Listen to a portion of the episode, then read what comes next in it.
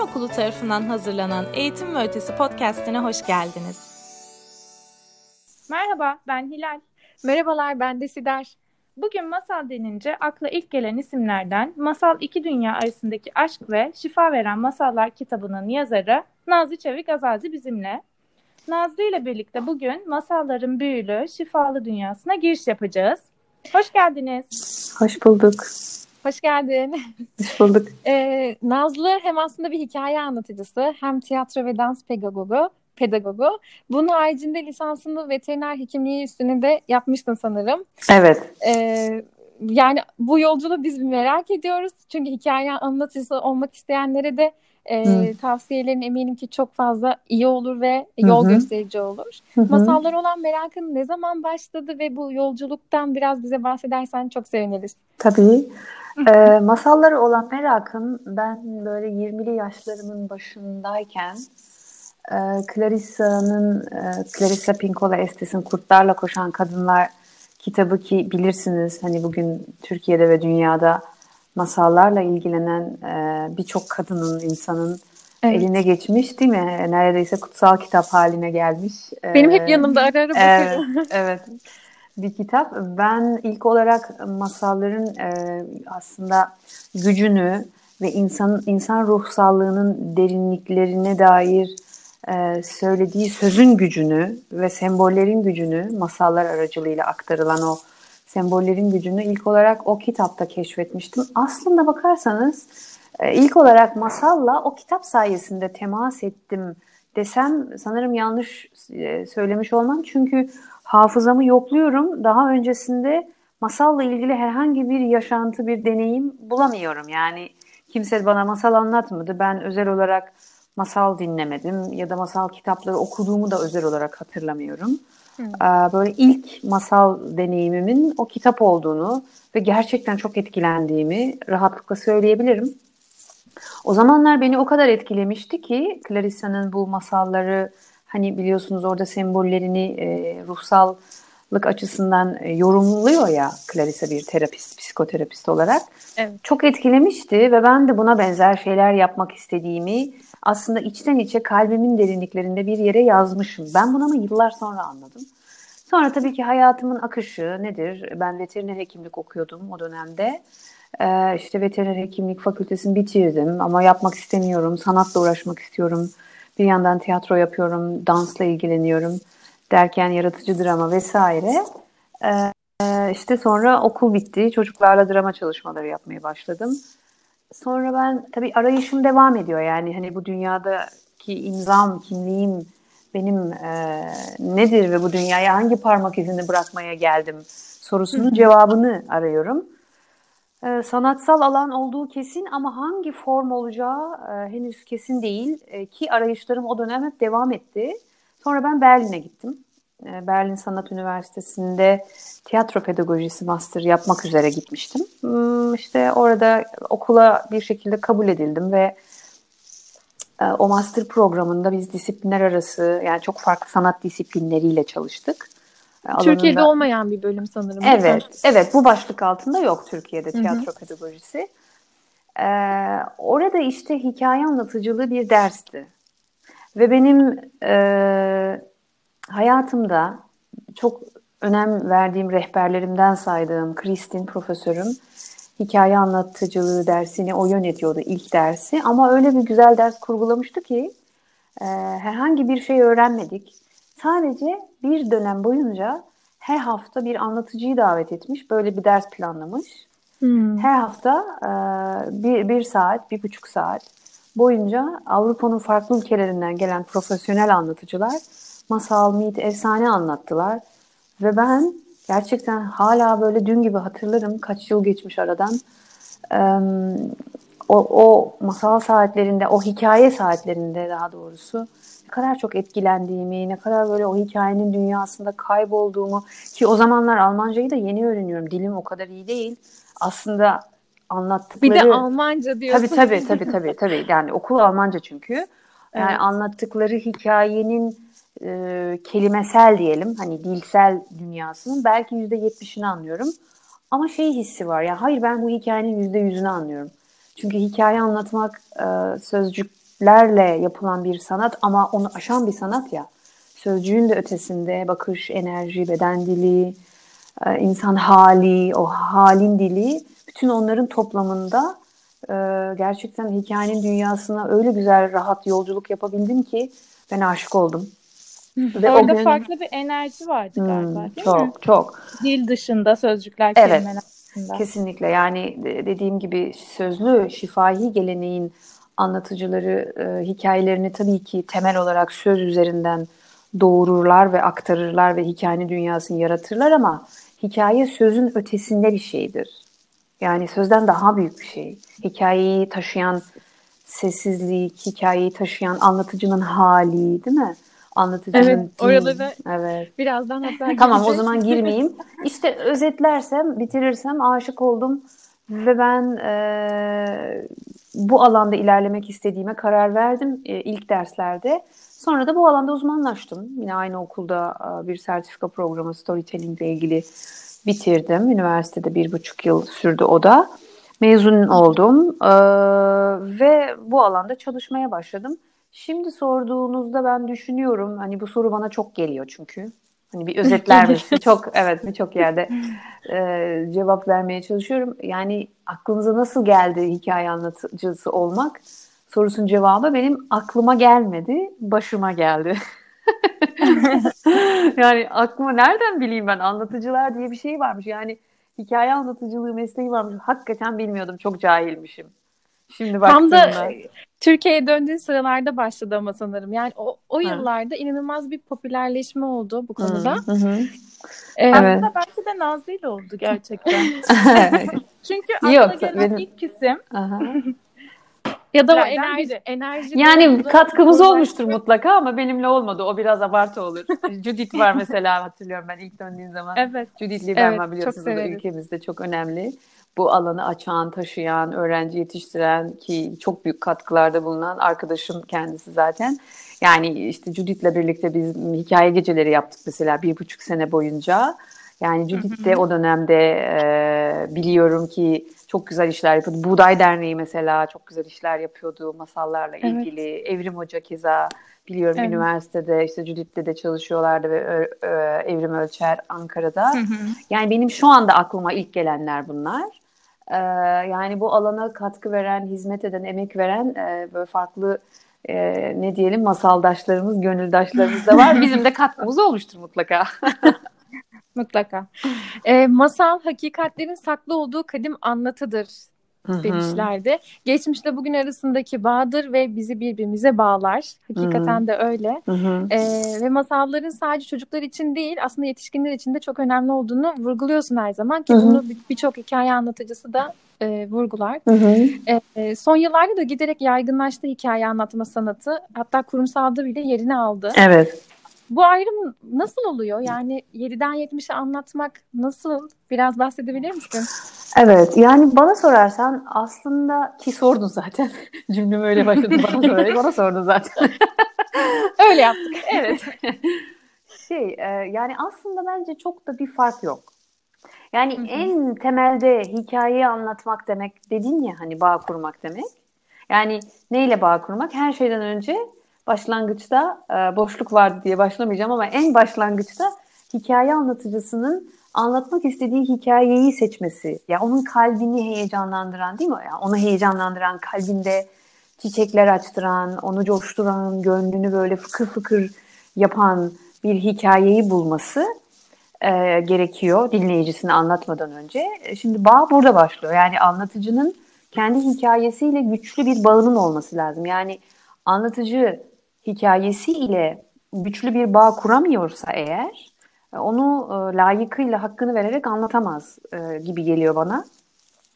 Anlatıcının hikayesiyle bağ kurması, ondan sonra o hikayenin içerisinde demlenmesi, hikayenin anlatıcının içerisinde yeşermesine izin vermesi, sonra dinleyiciyle karşı karşıya geliyor, işte dinleyicinin karşısında dinleyicisiyle bağ kurması, bizim hani bu bir performatif bir sanat olarak hikaye anlatıcılığının mesela diğer sanatlardan en en en önemli ayrım noktalarından bir tanesi biz dinleyicimizle etkileşime geçiyoruz. Yani iki dost gibi değil mi? Yani işte arkadaşımız, dostumuz varmış karşımızda. e, gibi onlarla birebir samimi bağ kuruyoruz. Mış gibi yapmadan. Onların izliyoruz, onların nefesini dinliyoruz, onların hikaye içerisinde büyüyen, küçülen göz bebeklerini seyrediyoruz. Bakıyoruz nasıl e, gidiyor, sıkıldılar mı, devam edeyim, bu, buradaki imgeyi biraz daha mı büyüteyim, yok daha mı hızlı geçeyim. Yani nabzını tutuyoruz biz dinleyicinin. Bazen evet, laf atıyoruz. Bu Hı-hı. karşılıklı bir şeyler akıyor sanki Kesinlikle. dinleyici ve anlatıcı. Evet arasında. ve orada bir dünya kuruluyor. Birlikte ama bir dünya kuruluyor. Bunu, bunu anlatıcı kurmuyor. Anlatıcı belki rehberlik ediyor ama orada birlikte kurulan puzzle parçaları gibi tıpkı bir araya gelince tamamlanan bir hikaye var orada ve o çok güçlü bağların kurulmasına da yardımcı oluyor. Ee, aslında bu bağı kurmadan da hikaye anlatma sanatının vuku e, bulamayacağını da iddia edebilirim. Yani o bağ yoksa başka bir şey var orada. Anlatma sanatı yok. Bunun üzerine yeşeriyor hikaye anlatıcılığı. Bu bağ üzerine. Şimdi böyle baktığım zaman dinleyicim ister çocuk olsun, ister, ister yetişkinler olsun, ister huzur evlerindeki değil mi bilge kişiler olsun ki ben çok en sevdiğim e, şeydir, kitledir. Ben Almanya'da da Türkiye'de de anlattım huzur evlerinde. Öyle güzeldir ki e, ister yani yaş fark etmiyor yani sıfırdan 99'a diyelim 7'den 77'ye artık güncel değil bence. Daha iyi olur aynen. ya da şöyle diyelim doğumdan mezara, doğumdan ölüme. Herkes dinleyebilir çünkü. E, yani o, o bağı kurduktan sonra zaten dinleyicinin nabzını tutuyorsan, e, dinleyicinin e, dünyasına hitap edecek şekilde hikayene form veriyorsun. Yani aynı hikayeyi evet. farklı kitlelerde farklı anlatıyorsun. Yani 3 yaş grubuna farklı anlatıyorsun. Ne bileyim 60 yaş grubuna farklı anlatıyorsun. O fark nereden kaynaklanıyor? Dinleyici kitlesinin niteliğinden. Ben bunu nasıl anlıyorum? Onları görerek, onları izleyerek, onların nabzını tutarak, e, onları bilerek yani 3 yaş çocuğunun değil mi bu hayattaki yaşam deneyimi ile 60 yaşındaki bir insanın yaşam deneyimi aynı değil. Bu deneyimlerin farkında olarak ve onların o deneyim hafızasını da işin içine katarak, harekete geçirerek e, hikayemi anlatıyorum. Yani çok çok önemli bileşen dinleyicimi dinlemek ve dinleyenimi e, anlatının içine entegre etmek. Bu hassasiyet varsa bir anlatıcıda her yaş grubuna çok rahatlıkla anlatabilir. O açıklık lazım ama. Evet, deneyim hafızası demişken ben de şimdi deneyim hafızasının biraz daha az olduğu küçük yaş grubuyla ilgili bir soru sormak istiyorum.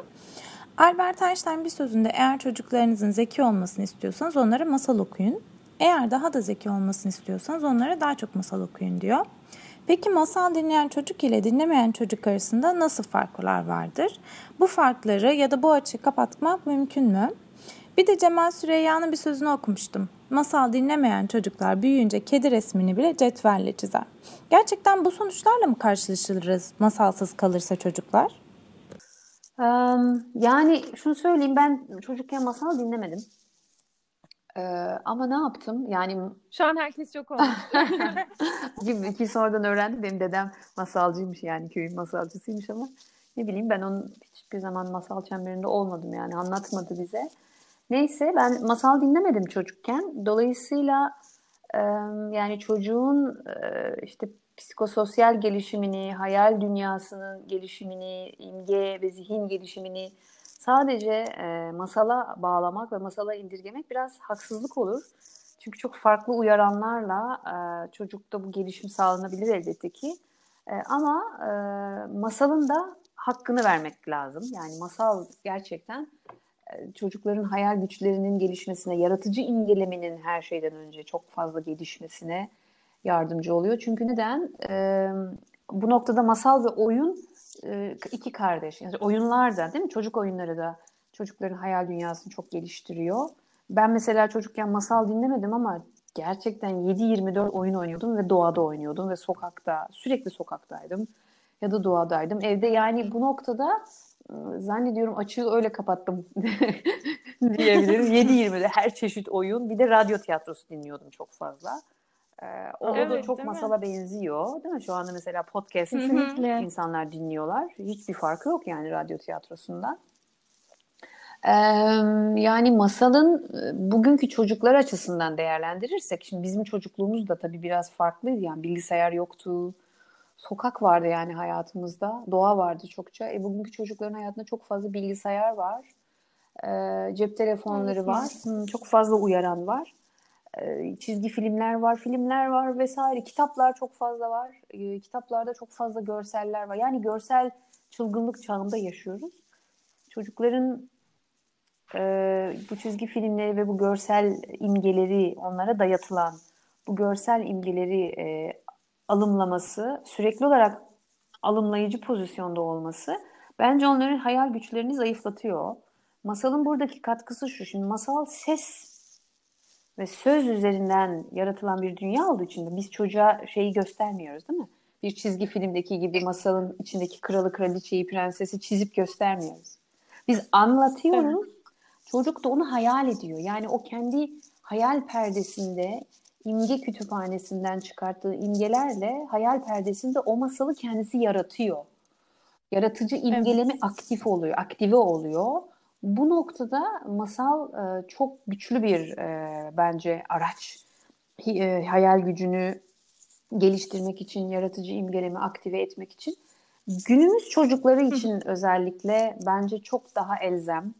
Ee, neden? Ee, az önce saydığım sebep, söylediğim sebepten ötürü görsel çılgınlık çağı her yerden bir uyaran geliyor. Sürekli imgeler, imgeler, imgeler dayatılıyor çocuklara.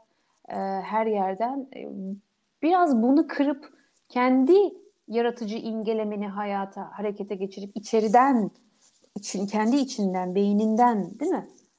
Kendi kaynağından masalın imgelerini oluşturmasına izin vermek ki hikaye anlatıcılığının hani siz de biliyorsunuz temeli bu. Hı hı. Zaten an, dinleyen kişi Almanlar hani Kopfkino diyorlar buna, kafa sineması diyorlar. Hani ben de onu iç diyeyim sadece kafayla sınırlamayayım. İç sinemada, iç sinemasının perdesine yansıyan masal e, imgelerini seyrederken aslında Oo, güzel bir cümle evet, oldu. Kendi içini seyrediyor aslında masalı seyrederken çocukta, yetişkinde.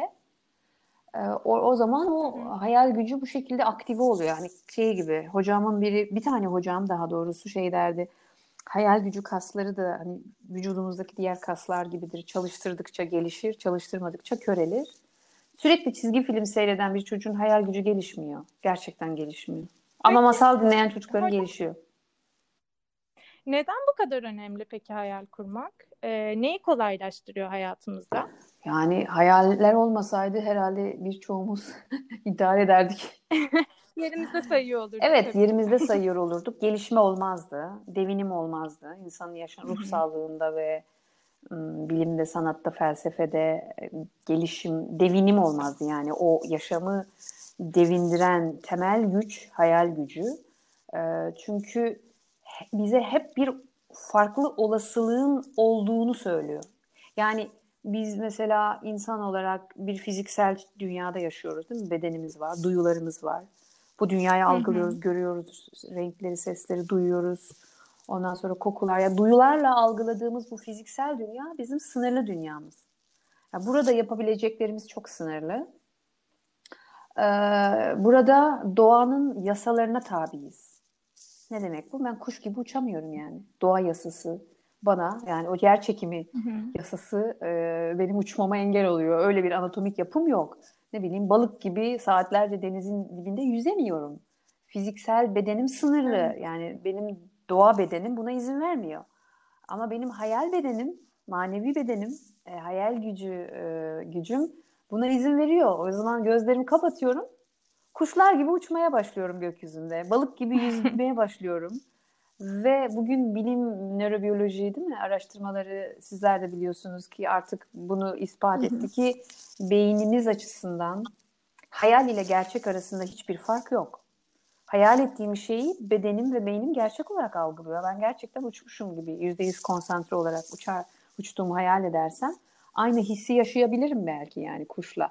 E, dolayısıyla e, birincisi hayali, hayallerin önemi e, bu fiziksel katı, sınırlı gerçekliği e, yıkan bir güç. Onun ötesine geçmemize yardımcı olan bu bir güç. E, geleceği yaratan bir güç. E, geçmişi bugün de yeniden hatırlamamıza yardımcı olan bir güç, hayal gücü. E, eğer hayal gücümüz olmasaydı anda sıkışıp kalırdık. Ama biz geçmişe gidiyoruz, geleceğe evet. gidiyoruz. Hiç şu anda dünyada olmayan e, bir takım e, şeyler tasarlıyoruz, bir proje tasarlıyoruz, bir kitap mesela yok dünyada. Benim hayal dünyamda var o. Sonra ben e- eyleme geçersem onu doğuruyorum. Yani bu çok tanrısal da bir özellik, yaratma özelliği, yaratma edimi. İnsan yarattıkça değişiyor, gelişiyor, farklılaşıyor, geleceği yeniden kuruyor. Zaten hani bilim, sanat, felsefe hayaller sayesinde gelişti. Yoksa hani Einstein diyor ya mantık sizi A'dan B'ye götürür, hayal gücü her yere. Tabii. Evet. Tabii. Evet. O yüzden hayal gücü çok önemli bir yeti. Adı üstünde güç yani. Çok önemli bir güç. Ve insanı insan yapan temel yetilerimizden bir tanesi. Bu yetimizi geliştirmeye, e, ona sahip çıkmaya çok ihtiyacımız var. Özellikle de günümüzde ve geleceğin dünyasında bence bu çok daha e, önem kazanacak. Bunun da en kolay yollarından Kesinlikle biri masal. masallar. Oyun ve masal çocuklar için, çocuk oyunları ve masallar. Tabii Evet, oyunu da çok çok evet, önemsiyoruz evet. biz. Tam da bu e, şifadan daha çok güçlerden bahsederken geleneksel Hint tıp- tıbbında ruhsal yönelim bozukluğu olan kişiye meditasyonlarında kullanması için sorununa uygun olarak seçilen bir masal Hı. önerilirmiş. Ben Hı hı bunu bir kitapta okumuştum. E, ve kitabınızın da aslında adında olduğu gibi şifa veren masallar Hı hı. diyoruz biz masallar artık. Yani böyle bir güç Hı hı. olduğuna inanıyoruz. Hatta günümüzde de hastalara, uyku bozukluğu olanlara da e, pedagojik çalışmalarda da masallar kullanılmaya başlandı bayağı bir süredir. Yani ben yeniyim araştırmalarımda aslında ama uzun süredir sanırım kullanılıyor. Bu iyileşme sürecini anlatabilir misin biraz? Yani çocuklar veya yetişkinlerin e, o içteki kendi ruhsal arayışlarında hayatlarının en önemli adımlarında nasıl bir şifası hı. masalların? Yani bir kere her şeyden önce bir sanat, masal bir sanat, halk sanatıdır. İnsanlığın kolektif hafızasından süzülüp gelmiş e, kolektif rüyalardır masallar.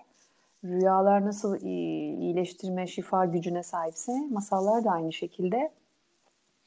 Ee, yani bir sanat eseri her zaman e, o sanat eseriyle muhatap olan, onu alımlayan, onun dünyasına dahil olan ve o sanat eserinin e, içindeki e, güzellikleri, estetik olanı kendisine katan, kendi ruhsallığına katan her insana her zaman her daim aslında şifa verir. Yani bu sadece masal için geçerli değil, e, sanat eseri için bunu çok rahatlıkla söyleyebiliriz. Masal için ise e, şöyle e, olabilir gibi yorumla yorumluyorum. E, şimdi her birimizin e, iç dünyası çok derin. Derya deniz, kendimize dair bildiklerimiz hakikaten e, buzdağının görünen kısmı, kendimize dair bilmediklerimiz, yaşadığımız e, duyguları bazen tanımlayamıyoruz mesela, tanımlayamadıklarımız, farkında olmadığımız e, bir bilinmezliği taşıyoruz kendi iç alemimizde. Yani iç derinliğimiz bir bilinmez bir dünya ve e, masallar aslında bu bilinmezliğe ayna tutan e, arketipal e, sembolleri taşıdıkları için şifalı e, yönü buradan kaynaklanıyor bence. Çünkü bir nevi kişiye ayna tutuyor. Eğer o masalla bağ kuruyorsan e, sana aslında sana seni gösteriyor. Ben ilk kitabımın e, kapak mottosunu şey olarak yazmıştım. Hani kendini anlamak istiyorsan masalın iç sesine kulak ver. Masalın iç sesi o içinde derinliğinde sembollerin e, kendi içinde barındırdıkları o derin anlamlar aslında insanı e, kendi iç yolculuğunda insana rehberlik yapabilecek e, manalar onlar. O yüzden masalın iç sesine kulak vermek, insanın kendi iç sesine kulak vermesi demek. Yani masal özetle insanın kendi içini, bilemediği, bilmediği, içini ona görünür kılan kadim bir e, ayna. Bu aynada insan kendisini görüyor. Aynen. Evet, evet. Yani çocuk da öyle. Yetişkin belki biraz daha bunu e, ilk etapta sezgisel olarak yapıyor. Sonra isterse üzerine tefekkür ederek bilinç seviyesine çıkartabiliyor. Çocuklar e, bilinç seviyesinde evet sembolleri yorumlamıyor belki ama e, bilinç dışı seviyede masalın sembolleriyle bağ kurarak aslında kendisinde var olan duyguları, çözemediği çatışmaları masalın kahramanının eylemlerinde e, seyrederek kendisi de onun yolculuğuna katılıyor. Kahramanla beraber korkuyor, üzülüyor, kayboluyor, yeniden bulunuyor. Sonunda mutlu sonu kahramanla beraber yaşayarak e, kendi duygularını şifalandırıyor belki ama bu kendiliğinden oluyor yani hani çocuk Çocuk bilinçli olarak bir şey yapmıyor. Bunu yapan masal. Masalın gücü. Masalın o kadim sembolleri. Tüm bu iyileşmelere ek, e, masal sevinç, mutluluk, heyecan, doğum gibi duyguların yanında bastırdığımız duyguları evet. da ele alıyor. Kıskançlık, kaybolma, kıyas, rekabet, Hı-hı. hırs, öfke, intikam bir sürü e, duyguları evet. masallarda buluyoruz. Bu duygular kimilerini kaygılandırırken Hı-hı. kimine de umut Hı-hı. oluyor çoğu zaman.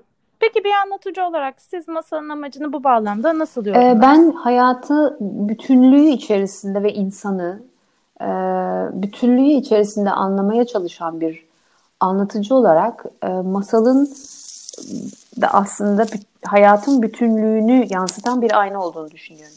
Yani bir insanın hayatında, insanların hayatında, insan hayatında senin az önce saydığın bütün duygular var. Kıskançlık, öfke, hırs, kin, rekabet, evet. bütün duygular var.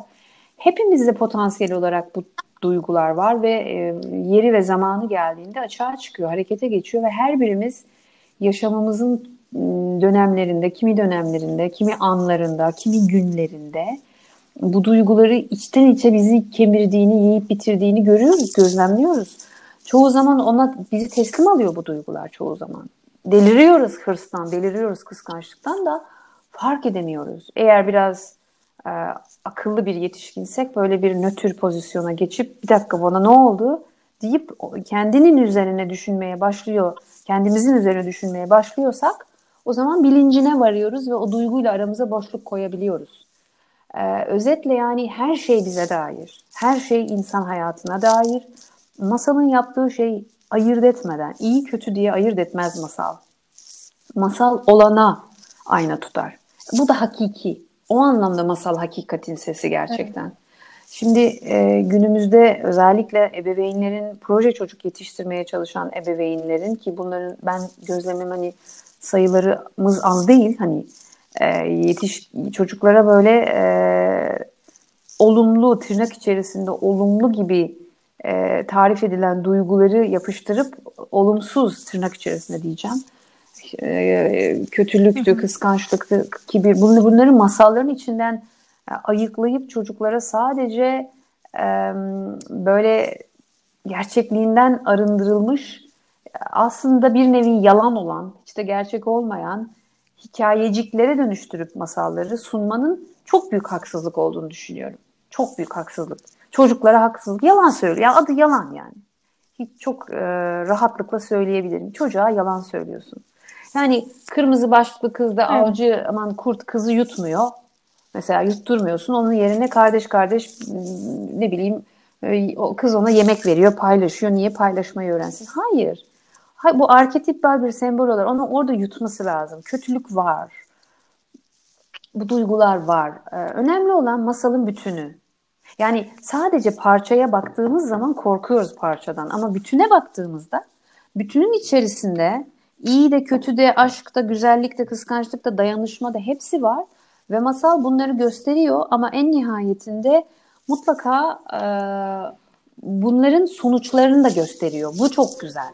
Yani sen diyor hırs dolu olursan bak sonun böyle olur. Kahramana, hırslı kahramana öyle şeyler yaşattırıyor ki sonunda o cezasını çekiyor. Kötüler cezasını çekiyor. Sen de diyor Sonu evet, evet kötüler mutlaka bitiyor. cezasını çekiyor. Yani ıı, toplum hayatına hizmet etmeyen, insan hayatına, birey hayatına hizmet etmeyen bütün duyguları gösterip sonra da bunun sonuçlarını, yıkımlarını da gösteriyor ama bir yandan. O yüzden çok güzel bir eğitim evet. ve çocuklar da biz yetişkinler de şunu görüyor. Aa, ben böyle yaparsam böyle olur sonum demek ki. Ama bunu kör gözün parmağına yapmıyor. Dolaylayarak kahramanın eylemlerinde anlatıyor. O yüzden çok etkili. Ee, ve sonunda mutlu sonla bitiyor. Bu çok önemli. Yani masalın bütünlüğünü e, iyi algılamak ve ıı, bütünlüğünden kopartmamak lazım. O parçalar bir araya gelerek iyi kötü birlikte bir masal oluşturuyor. Koparttığımızda masal masal olmaktan çıkıyor. Aslında masallar en zayıf yanlarımızla, korkularımızla yüzleşmeye, çözmeye götürüyor bize. Ama e, şöyle de bir şey var. E, çok duyuyoruz. Çocuğum bu masalı dinlediğinde çok korkuyor. E, yani peki bu masalı gerçekten anlatmalılar mı? E, peki siz hiç değiştirilmemesi gerektiğini söylüyorsunuz ama o zaman çocuk acaba e, hmm, yani ben iskeletinin değiştirilmemesi gerektiğini düşünüyorum. Yoksa bir masal metnini mesela okuduğunuz Hı-hı. zaman bir yerde orada e, o metnin içerisinde iskelet nedir?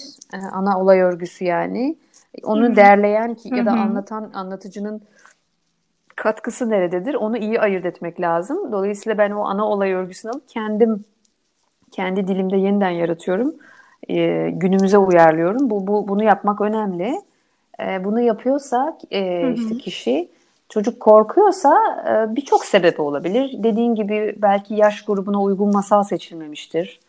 Ya da e, aslında e, onu anlatan anlatıcı artık ebeveyn, öğretmen kimse o anlatıcının bazen dönüp kendisine bakması iyi olabilir. Acaba kendisi de korkuyor mu?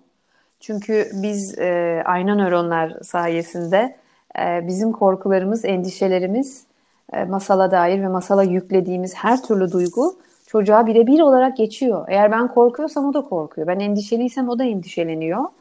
O yüzden hani ben hep şey derim eğer e, sen masal içine sinmediyse anlatma. Başka bir şey anlat.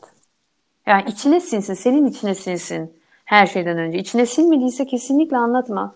İçine sinen masalları vur, onları paylaş çocuklarla. Ya ona bakmak lazım. Yani e, gerçekten sen kendin kendi dilinde o an, o yaş grubuna, o çocuğa uygun olarak yeniden masalı uyarladın mı? Yaş grubuna uygun mu seçtin? Yoksa sen mi korkuyorsun? Senin korkunu mu alıyor çocuk yoksa çocuğun korkusu mu? Bütün bir sürü parametre var ya, bir sürü sebep olabilir. Bunlara bakmak lazım. Evet, Freud da masallar korkuyu yaratmıyor, korkuyu özgürleştiriyor diyor aslında. Çok da güzel, Çok güzel. özetlemiş evet, bu Tabii yaratmaz doğru. Çünkü korku içeride var zaten. Var olanı özgür kılıyor. Bazen de korkmak güzeldir. Bence niye? Değil mi? Biz niye bu kadar çok korkuyoruz çocuklarımızın korkmasından? Onu anlamıyorum. Korkmaktan evet, yani korkuyoruz. ee, aklıma bir mesel geldi. Belki şeyin sonunda onu anlatırım. Kesinlikle. Korkuyla ilgili. Hazır korkudan bahsetmiştim. evet. Ee, aslında bayağı meditasyon gibi hmm. bir sohbet oldu bizim için. Ama bir yandan da bir akademik bir soruyla da aslında dinleyenlerimize e, bir faydası olur diyerekten öğretmenler için de bir soru hazırlamıştık. E, derslerini eğlenceli hale getirmek isteyen öğretmenler de masalı, hikaye anlatmayı, hikaye anlatıcılığını Hı-hı. önemsemeye başladı. E, peki sence masalı derslere nasıl entegre edebilirler? Ee, iki türlü yol olduğunu düşünüyorum. Birincisi öğretmenin e, öğretmen kimliğinden sıyrılıp anlatıcı kimliğine yani anlatıcı hırkasını giydi. Öğretmen hırkasını çıkartıp bir kenara koyduğu ve anlatıcı hırkasını giydiği masal saatleri. Sadece bunu yapmak bile çocukların e, hmm. birçok bilişsel birçok noktadaki işte psikososyal ve bilişsel gelişimine katkıda bulunuyor. Her şeyden önce çocukla öğretmen arasında çok güçlü bir bağ kurulmasına neden oluyor. Yani öğretmen düzenli olarak masal anlatıyorsa mesela sınıfındaki bizim böyle öğren bizim çok öğretmen öğrencimiz e, oldu. Hala da oluyor. Anlatan Öğretmen diye bir programımız vardı bir zaman. Üç grup mezun ettik orada. Ee, ve oradan biliyorum ki öğretmen Türkiye'nin her yerinde öğretmen arkadaşlarımız çok güzel çalışmalar yapıyorlar ve düzenli masal saatleri yapıyorlar sınıflarında. Yani bu deneyimlere dayanarak konuşuyorum. Ee, sınıfında düzenli olarak masal anlatan, masal anlatıcısı hırkasını giyip ama orada herhangi bir şey öğretmeye çalışan değil de gerçekten paylaşmak isteyen öğretmen. Ee, hırkasını giyip çocukla evet. yarım saat 15 dakika haftada bir Sadece buna zaman ayırmak bile çok büyük e, fayda. Çünkü öğretmeniyle bağı çok güçlü olan çocuk öğretmeninin anlatmak istediği her şeyi ondan almak ister. Çünkü değil mi öğretmen ve öğrenci arasında da tıpkı anlatıcı ve dinleyici arasındaki yani, bağ önemlidir. Her zaman o çember evet. ortamı oluyor aslında sınıflarda. Bu masal olunca da Kesinlikle. Ben de zamanında çok okullarda düzenli böyle masallar anlattım. Haftada bir gidip sınıflara çocukların gelişimlerine çok büyük katkısı oluyor. Birinci yol bu. İkinci yolda e, masalları e, eğitim öğretim ortamında bir araç tırnak içerisinde diyeceğim ama ilkinde masal bir e, araç değil, masal dinlemek amaç, bir arada olmak amaç ilk, ilk yöntemde. İkincisinde ise ne bileyim toplama çıkartma, hayat bilgisi, fen bilgisi derslerini, kimya derslerini işlerken masalları, meselleri, hikayeleri kullanarak e, ders planlamasını yapma e, olarak kullanabilirler. Bunun kendine göre incelikleri var. Bu alanda çalışan çok iyi hani bizim öğrencilerimiz, mezun öğrencilerimiz, Seyba'da hocalarımız, e, işte Şeyda, Seyba'nın kurucularından mesela o bu alanda çalışıyor. Eğitim öğretim ortamına nasıl entegre edilir? Dünyada da çok farklı e, pedagoglar var bu alanda çalışan. Yani alanında uzman bu işi yapanlardan ilham alarak e, ders planlamasında da kullanılabilir masallar. İki türlü kullanılabilir yani. Peki hocam e, hayatınızda okuduğunuz ve çok etkilendiğiniz ve herkes mutlaka okumalı diyebileceğiniz bir listeniz var mı? Birkaçını bizimle paylaşır mısınız? E, benim ilk aklıma gelen e, hı hı. Koridor yayınlarından çıkmıştı sanırım. Joel Ben Amerikalı, Yahudi kökenli Amerikalı bir e, storyteller bu. Onun yazdığı bir e, roman aslında. Hı hı. Dilenci Kral, Kral Mutluluğun Sırrı. Ben onu evet ilk Almanya'da evet. Okum, okumuştum ve çok etkilenmiştim o kitaptan. Hmm, sonra baktım Türkçe'de de çevirisi var ve her yerde öneriyorum. O kitabı öneririm. Bir roman ama içinde çok güzel hikayeler de var. Sözlü gelenek hikayeleri. O geldi aklıma. Sonra hı hı. iletişim yayınlarından çıkan e, hikaye anlatıcısı e, kitabı e, bizim hocalarımız Ashley Ramsden ve Sue Hollingsworth'un kitabı. Biz onu e, Türkçe'ye çevirttirmiştik yıllar önce. E, onun içerisinde hem güzel hikayeler hem güzel pratik hikaye anlatıcılığını dair yapılacak çalışmalar anlamında güzel pratikler var. E, onu öneririm. Hikaye anlatma Neydi? sanatı değil ama değil mi? Şu an elimde Adı ne? kitap. Hikaye anlatma sanatı evet. Evet evet hikaye anlatma. Aa, öyle mi? İletişimden çıkmış olan değil mi? Ha, evet o. İletişimden evet. O kitap. Onu öner. O çok güzel bir kitap. Çok güzel bir kitap kesinlikle. kesinlikle. Onu öner. O geldi aklıma. Başka? Aklıma şey geldi. Tuvana Gülcan'ın e, Yapı Kredi yayınlarından çıkmış. E, ne anlatmalıydı galiba kitabın adı? Ne anlatmalı? O böyle daha küçük yaş çocuklarına e, ha, ne anlatsak? Küçük yaş çocuklarına anlatılacak Grimm'lerin masallarını derlediği ama masal anlatıcılığına dair de bu özellikle konuştuğumuz iyiler kötüler e, yani çıkartılmalı mı ona dair de böyle bir giriş metni var. Çok güzel. O geldi ilk aklıma. Bu üçü geldi şu anda evet. aklıma ama çok var yani. Hı hı. Ee, ben de tamam o zaman teşekkür ederiz bu üç e, kitap önerisi için. E, az önce de Sidar sözünü almıştı. Kapanışı sizin bir meselenizle yapacaktık. Tabii. Şimdi sözü size bırakıyoruz. Ben de teşekkür, teşekkür ederim. Çok keyifliydi. Şimdi sizinle Çok konuşurken korkularla ilgili e, aklıma bu hikaye anlatma sanatı kitabında Eşli ve Su'nun e, derlediği benim de çok sevdiğim kısacık bir hikaye var korkuyla ilgili. O geldi. Onu paylaşmak isterim.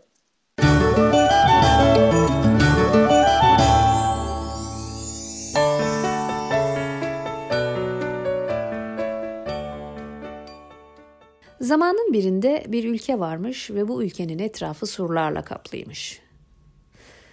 Ülkede yaşayan insanlar surların dışına çıkmaz olmuşlar.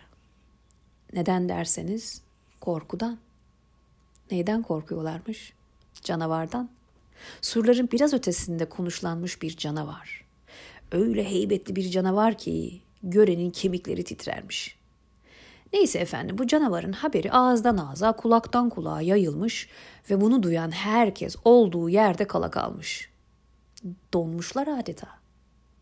Hiç kıpırdamamışlar, nefes dahi almaya korkar olmuşlar.